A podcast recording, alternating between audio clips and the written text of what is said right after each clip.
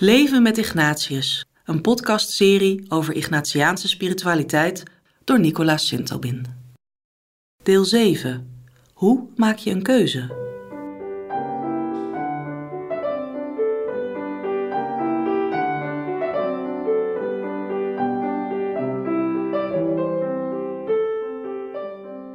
De Ignatiaanse onderscheiding kan in het bijzonder helpen om keuzes te maken. In zijn geestelijke oefeningen noemt Ignatius drie methodes om een keuze te maken.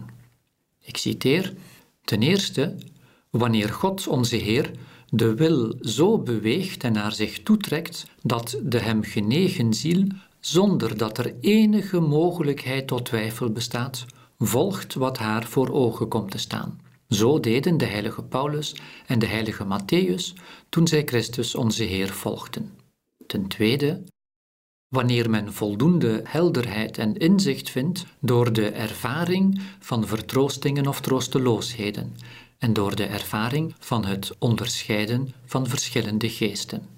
Ten derde, wanneer de ziel niet wordt bewogen door verschillende geesten en zij van haar natuurlijke vermogens vrij en rustig gebruik maakt. Die tijd noem ik een rustige tijd. De eerste methode kan je niet zomaar hanteren. Het is een genade die je al of niet overkomt. Het gaat over de keuze die als het ware uit de hemel komt vallen. Met zo'n kracht dat er geen ruimte meer is voor welke twijfel dan ook. Ze bestaat, maar is hoogst uitzonderlijk. De tweede methode kan je wel bewust toepassen. Ze wordt ook wel de affectieve weegschaal genoemd. Eerst dien je twee gelijkwaardige alternatieven te formuleren. Je kunt immers niet kiezen tussen iets en niets. Zo kun je bij een studiekeuze twee gelijkwaardige studiemogelijkheden, A en B, vastleggen. Vervolgens ga je één week de tijd nemen om te leven alsof je gekozen hebt voor studie A. Eén of twee maal per dag ga je dan na hoe je je die dag gevoeld hebt en schrijf je daar iets over op. Was je rustig, opgewekt, dynamisch of eerder gespannen, angstig, kribbig? Aan het einde van de eerste week maak je vervolgens de balans op. Gedurende de tweede week ga je hetzelfde doen, maar nu met studie B. De kans is reëel dat je een betekenisvol verschil opmerkt tussen week 1 en week 2. De uitslag kan echter ook onbeslist zijn. Voor sommige mensen is deze tweede methode overigens helemaal niet toepasbaar, omdat zij een heel egaal gevoelsleven hebben, met weinig of geen uitschieters. Geen nood. Er is ook de derde methode, de rationele weegschaal. Deze kan ook een methode ter aanvulling of bevestiging zijn van de tweede methode. In deze derde methode, de rationele weegschaal, wordt voluit de kaart getrokken van het verstand. Je neemt opnieuw het eerste alternatief, studie A. Je gaat nu de inventaris opmaken van alle rationele argumenten voor studie A. Daarna ga je alle rationele argumenten verzamelen tegen studie A. Vervolgens weeg je al die argumenten. Je geeft ze een cijfer van 1 tot 10, al naar gelang hun gewicht.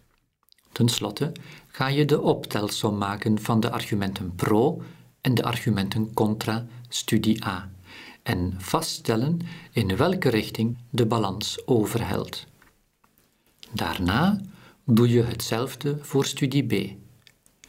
Je kunt deze methode verfijnen door ook voor en tegen te gaan inventariseren voor beide keuzemogelijkheden, maar nu in hun negatieve variant. Ik ga niet studie A kiezen en idem voor studie B. De eerste methode is de meest indringende. Probleem is wel dat je haar niet in de hand hebt. Ze is uitzonderlijk. De tweede methode is voor de meeste mensen toegankelijk.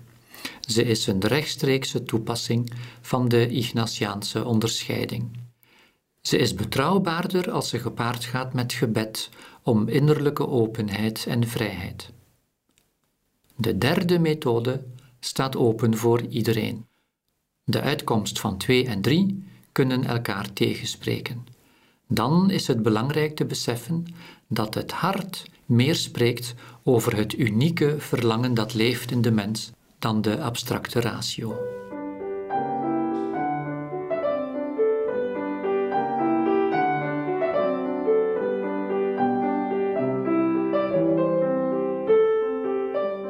Luister jij naar je hart bij het maken van belangrijke keuzes?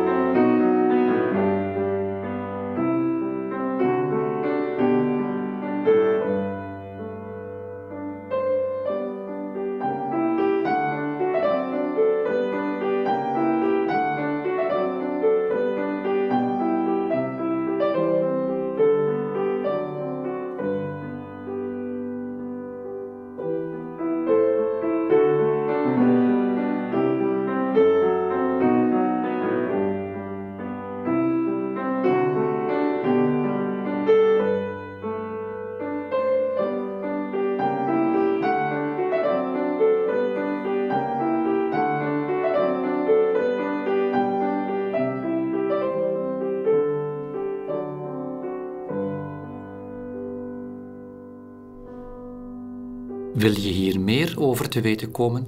Lees dan het boek Leven met Ignatius op het kompas van de vreugde.